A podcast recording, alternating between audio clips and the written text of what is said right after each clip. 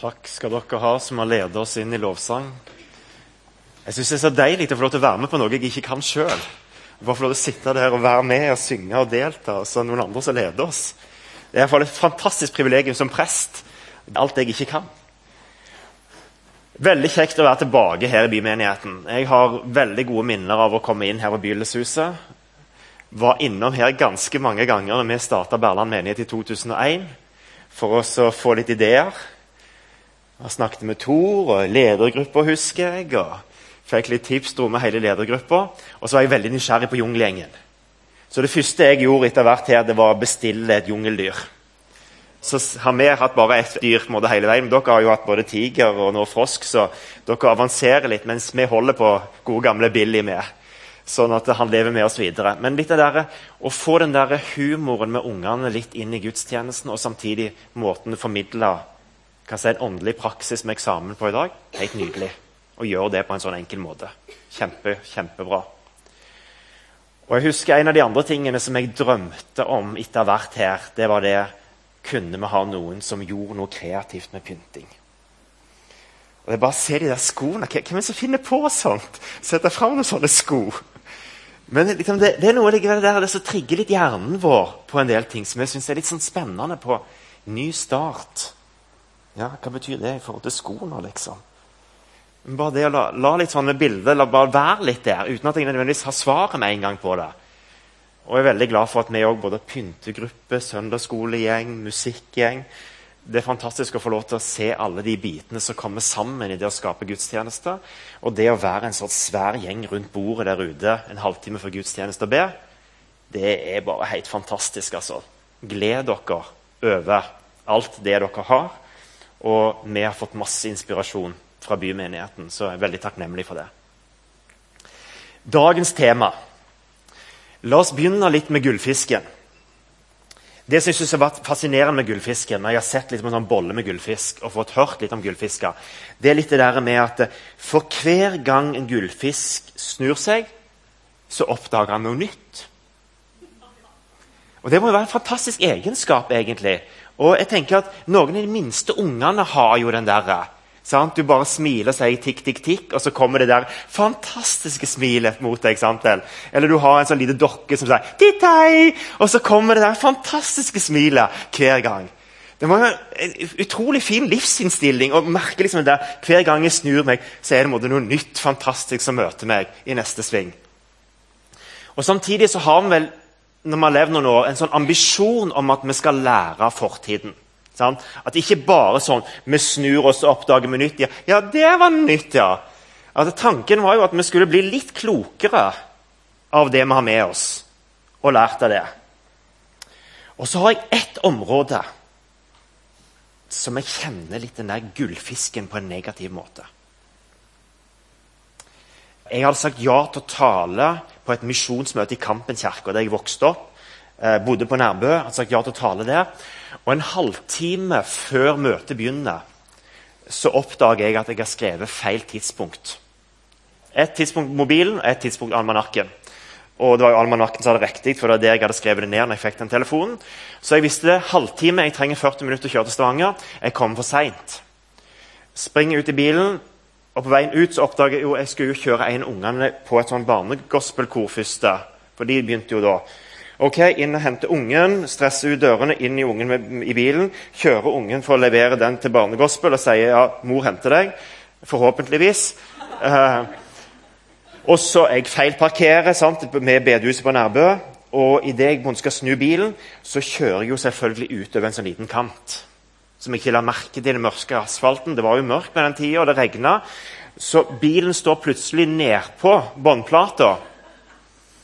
Jeg reagerer bare på helt spontant. Jeg har bakhjulstrekk, revers, bare gi gass. Ut sant? Opp med bilen og kjøre mot Bryne. På vei til Bryne så finner jeg fram mobilen og leter fram nummeret. Og jeg har ikke stoppa bilen. Og Idet jeg kommer på en måte mellom nærme Bryne og Oppdager plutselig at jeg er på vei over i feil kjøreretning når jeg skal lete fram dette nummeret. Og det blir en litt sånn nestenulykke. Tilbake inn på trekk og kjøre til Bryne. Og liksom i den der, eh, det du bare hiver bilen inn tilbake igjen, sånn, så slår det meg Hva var det jeg tenkte på? Hva er det jeg tenker på? Altså, Dette har du gjort før, Oddbjørn. Denne nestenulykka har du vært i før. Når du drar fram mobilen når du kjører bil. Og det andre som slo meg Tenk om det er noe galt med en, si, den der eh, bremsevæskegreiene som går til forbremsene når du måtte datt ned på denne plata og det, det måtte holde på å lekke ut bremsevæske. Så idet du kommer mot Stavanger og skal bremse, så er det et eller annet som svikter. Så jeg kjører inn til Ford Kverneland, kjører bare rett inn på verkstedet, spør om de kan sjekke bilen, får ringt til Stavanger og får endelig kontakt med de som leder møtet. Og da var jo klokka fordi at jeg litt med forskjellige ting, så klokka var jo fem over seks, og de satt og venta på meg. og de hadde ikke startet møtet ennå. Og jeg da sier til dem at eh, ja, hva kan vi gjøre? Uh, jeg må sikkert ha ti minutter her for å sjekke bilen, og jeg trenger en måte, 25 minutter å kjøre. I hvert fall. Og så hører hun bare hun andre og sier ja, men da tar vi maten først. Så kommer du, og så kjører vi møtet etterpå. Helt greit. Supert. Det ble et bra møte. Og nå har jeg jo avansert litt, så jeg har fått Bluetooth i sånn blåtann i bilen. vet du, så det er jo ganske greit. Og Jeg husker at jeg lovte meg sjøl for et år siden at jeg skal ikke sende noen tekstmelding mens jeg kjører. Det har jeg lovt meg sjøl. Men det å finne fram det der nummeret som jeg skal ringe på den blåtannen, det går jo ikke av seg sjøl. Og der var jeg i forrige uke. For å finne fram det der nummeret og er igjen på vei over i den andre kjørebanen. For, altså, det er ikke sikkert jeg er så veldig flink på dette. her. Det er kanskje noen av dere som er veldig flinke på sånt. Sant, Men likevel, hva er det som gjør at vi ikke lærer av våre feil? En skulle jo trodd at klok av skade. Sant? Det er jo sånn, sånn tanke vi tenker. Klok av skade. Men hva som gjør at jeg ikke er klok av skade, da? Altså, Må jeg krasje først? Må jeg kjøre ned et menneske først? Det, må det gå så langt før jeg skal bli klok av skade? Og så slo jeg meg litt Er det sånn at det egentlig er en myte? Klok av skade? Og En har sagt det sånn at nei, det er bare det vi har fått lov til å bearbeide det som har vært fortida. Det vi har fått tenkt igjennom, fått reflektert rundt, det kan være en ressurs for oss videre. Men det er ikke alltid at disse negative erfaringene som er med oss, nødvendigvis hjelper oss til å gjøre så kloke valg videre. Og Det er heller ikke sånn at bare jeg vet bedre, så gjør jeg bedre. Sånn? Bare jeg vet om alle denne konsekvensen og hvor mye skader og hvor mye trafikkulykker det er med mobil, så skulle jeg trodd at jeg gjorde noen klokere valg. Men hvorfor gjør jeg ikke det? Da har dere to av mytene i dagens tema. Og den tredje passet jo veldig godt på meg på akkurat denne episoden. Tiden går fra meg. Tiden går fra meg. Livet går fra meg. Det var ikke så langt, men, men tiden går fra meg. Hvor mange valg er det vi gjør fordi at vi begynner å stresse med tida? Det kan være de små tingene, men det handler også om de store tingene i livet. At ja, jeg har mista jobben, men jeg må jo få meg en ny jobb. Eller det skjer noen sånne store ting i livet, og så må man måtte haste inn i noe nytt. Er det alltid like lurt å haste inn i noe nytt? Jeg tror ikke det. Når jeg hørte den ene av dagens tekster i dag, så tenkte jeg tenk ikke på det som før var. Nå skaper jeg noe nytt. Bare hopp inn i det. Det var liksom det jeg hørte når teksten ble lest. Men det var vel poeng å lære litt av fortid òg for Israels folk som hadde havna i Babylon pga. en del sånne ting, dumme valg de hadde gjort så var det ikke bare sånn at nå skal dere snu tilbake igjen og så begynne på nytt, og så håper vi at det går bedre denne gangen enn forrige gang. Hva er det som gjør når vi tar dette her inn i de store valgene i livet? Jeg husker en medstudent på Misjonshøgskolen som hadde ti forhold i løpet av studietida. Og Det ene var jo veldig misunnelig på i forhold til å være så attraktiv i forhold til damene. Sant? Det var den ene sida. Det var kanskje den jeg så først. i forhold til Tenk å være så populær blant damene. Men det var ikke så populært når det kom til nummer ti. Og en del av foreldrene begynte å si 'pass dere for han'. Altså, det begynte å bli en sånn greie. Hva er det som gjorde at han hoppet inn og ut av relasjoner? Det var iallfall ikke sånn at han hadde lært så mye av det som hadde skjedd forrige gang. nødvendigvis. Kanskje han skulle ha venta litt med å gå inn i noen nye forhold for måtte ta med seg noe av lærdommen i det. Jeg blir litt skeptisk òg når jeg ser på en CV på folk som har skifta jobb annethvert år. Hva er det som gjør at du flykter litt fra den forrige jobben i noe nytt? Hva er det du drar med deg? Og i begge disse, Hva er på en måte fellesnevneren i greia som skjer? Jo, det er deg. Sant? Enten det er de mange relasjoner eller de mange jobbene. Så du kan godt skylde på noen andre, men hva er fellesnevneren i det? Jo, det er meg. Ny start. Nye muligheter. Jeg har lyst til å hoppe litt til en annen innfallsvinkel. Og Det handler nok litt om at uh, denne tida, åpenbaringstida etter jul, handler jo litt om å stille seg spørsmål. Dette barnet som ble født, hva var det han ville? Og hva er det som skjer også gjennom Jesus sitt liv? Jesus fra baby til tenåring møter som tolvåring i tempelet. Møter han jo litt som baby der med Anna og Simon i tempelet. den greia der. Tolvåring. Hører vi veldig lite der fram til han blir 30 og står fram. Blir døpt av døperen Johannes. Men jeg blir veldig nysgjerrig på hva som skjer med Jesus gjennom disse 30 åra. Og kanskje 33 åra. Hva skjer med Jesus i denne utviklinga?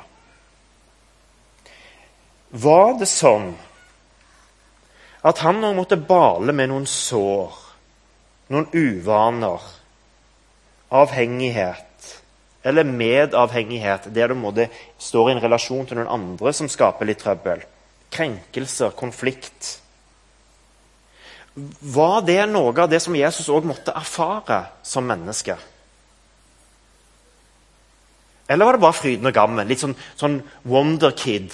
Sånn supergutt liksom som med det er gullbarnet til mor og far. Og han er jo ikke helt gullunge da når, når, når han måtte stikke av fra de som tolvåring. Og de leter etter han, så er ikke helt gullunge. Men det står liksom, og de reiste hjem, og han vokste i modenhet og var til glede for Gud og mennesker. Da får du en sånn gullungefølelse. Ja, gjør det, altså. Måtte Jesus bale med ting? I sin barndom, i sin tenåringstid. Hva med det som ikke bare handler om det som skjer skje bak, men også fram, framtida i forhold til bekymring, behov for å kontrollere, kanskje avmakt, at dette kan jeg ikke gjøre noe med? Måtte Jesus bale med noe av det? Eller måtte han ikke det? Hvis jeg tenker min egen vandring i den samme perioden, 0 til 33? Jo, sorg, miste mor Noe som gikk på skam. Sjølmedlidenhet. Måtte Jesus møte konflikt?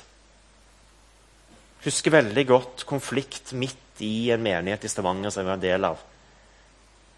Og det, var, det, var, ikke min konflikt, men jeg ble et offer for den konflikten.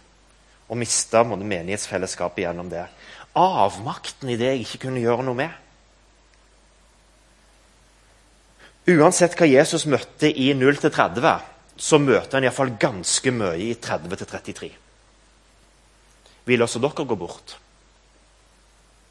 Hvem tror dere at jeg er? Jeg syns å se tre sånne ting i Jesus sitt liv som jeg tror også er viktig for oss å ha med oss når vi tenker litt parallell historie til Jesus. Det ene er at Gud alltid bekrefter oss på ny og på ny. Du er min sønn, som jeg er glad i. Jesus, Guds hilsen til Jesus i dåpen. Guds nåde var over ham, står det som Jesus som tolvåring. Og Det tror jeg òg handler om at han òg hadde behov for Guds nåde. Ikke, altså, jeg har ikke behov for å plassere Jesus at han, han, var jo en person som levde uten synd. Men, men, det er et stor forskjell mellom det å leve uten synd og det å måtte bryne seg på livet. Og jeg tror at Jesus hadde behov for Guds nåde i mange av de vanskelige tingene som òg var i hans liv og i hans omkrets gjennom hans oppvekst. Jeg tror Jesus måtte bale med en del spørsmål.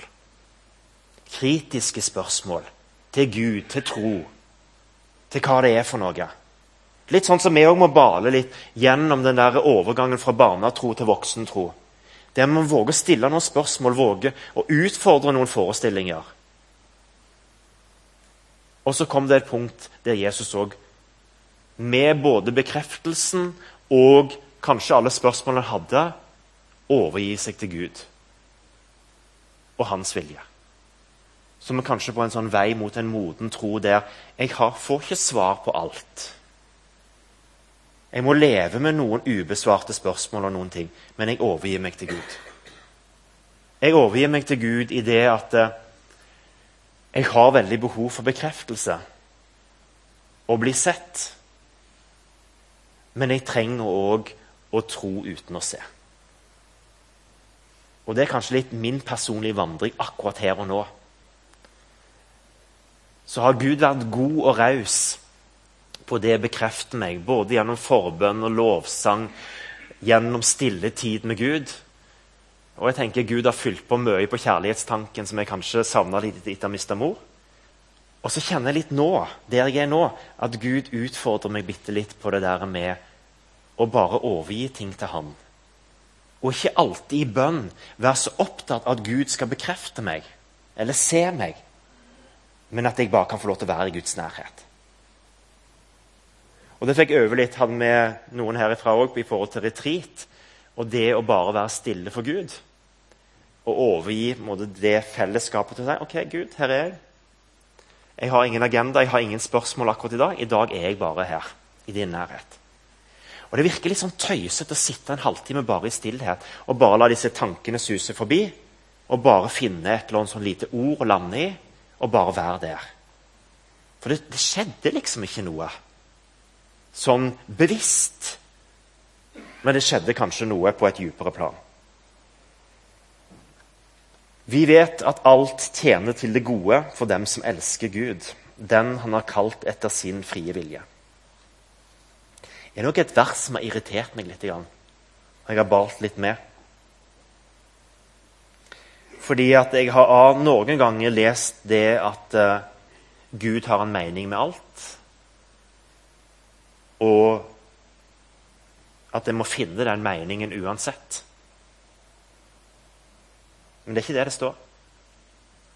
Det står ikke at Gud har en mening med alt. Men det står at Gud ved sin nåde kan møte oss og kan måte, reise oss opp, kan bruke alle våre livserfaringer, kan møte oss i alle livserfaringene. Og kan la det få lov til å bli noe som kan være en ressurs for oss. Som kan være noe vi kan ta med oss. Som en ressurs, både som en styrke i eget liv, men òg i det møtet med andre. I den nye starten, hva kan vi ta med oss? Av denne fortida vår? Kan, kan vi ta med oss i forhold til bekymring for framtida? På en sånn måte at det måtte Guds nåde få lov til å prege det. At det får lov til å være ikke bare noe som ligger der som spøkelser, men noe vi kan ta med oss videre. Det er noe av det vi skal se på de neste søndagene òg. Er det noen sånn konkrete skritt som vi kan ta. Og det andre delen av det verset Vi vet at alt tjener til det gode for dem som elsker Gud, dem han har kalt etter sin frie vilje. Og De fleste gangene så har jeg lest den 'Den Gud har kalt etter Guds frie vilje'. Men akkurat når jeg på en måte satt og leste den til denne dagen i dag, så leste jeg at den, den oss som Gud har kalt, etter vår frie vilje. Etter vår frie vilje. For det tror jeg må det er noe av Guds mål med oss. At vi frivillig skal komme til Han og overgi oss til Gud. Gud er aldri den som overtar eller presser seg på eller styrer oss uten at vi vil sjøl. Men vi får lov til å være oss sjøl i møte med Gud. Og i det å være oss sjøl kan vi òg ta med oss noe av det vi baler med, og som utfordres med, og ikke vet helt hva vi skal gjøre noe med. Etter min frie vilje så kan jeg velge å ta en liten del av livet mitt i møte med Gud. Eller jeg kan velge å si 'Her er Gud med hele livet mitt'. Alt er åpent for deg. Du er velkommen inn. I rotet, i alt det som ikke er på plass. Du er velkommen inn i det som er bra, og det som jeg er takknemlig for. Og du er velkommen inn i det jeg ikke skjønner noe av. Noen av dere kjenner kanskje til Celebrate Recovery. Starta litt som en sånn bevegelse i USA ut ifra dette her anonyme alkoholikere og tolvstegsprogram og sånn. Bror til Hans er jo den som har introdusert det til Norge, nesten. Iveland er et senter på dette. her. Og jeg har truffet noen av de i det siste året som har starta sånne selvhjelpsgrupper i forhold til det å ta tak i liv og jobbe litt med liv i en veldig trygg setting. Og Noe av det jeg har lyst til å gi videre på fra mitt møte med de, det er den enkle bønnen som de starter samlingene med. Og Noe av det er en, en sånn vanlig bønn som jeg tipper ganske mange av dere har sett på et eller annet bilde, og kanskje Johannes har malt det, ikke vet jeg, i forhold til sine bilder som han lager. Men det er det derre Kjære Gud, hjelp meg til å godta de tingene jeg ikke kan forandre. Mot til å forandre det jeg kan gjøre noe med og forstand eller hjelp til å se forskjell. Gi meg hjelp til å akseptere, godta de tingene jeg ikke kan forandre på.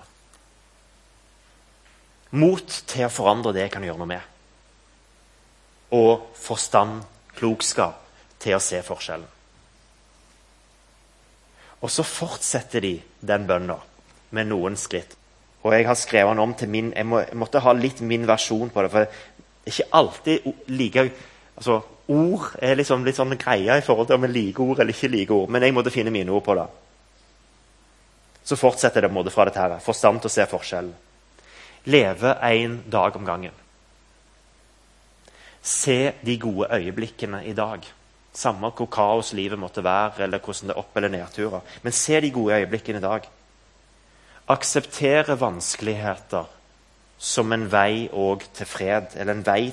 Må du akseptere at vanskeligheter er noe som Gud kan bruke til noe godt, uten at jeg liksom har noen forklaring på at de kommer fra Gud. Ta som Jesus denne verden slik han er, og ikke slik jeg tenker at han burde være. Tro at Gud vil meg vel når jeg overgir min vilje til ham. Og så digger jeg den neste.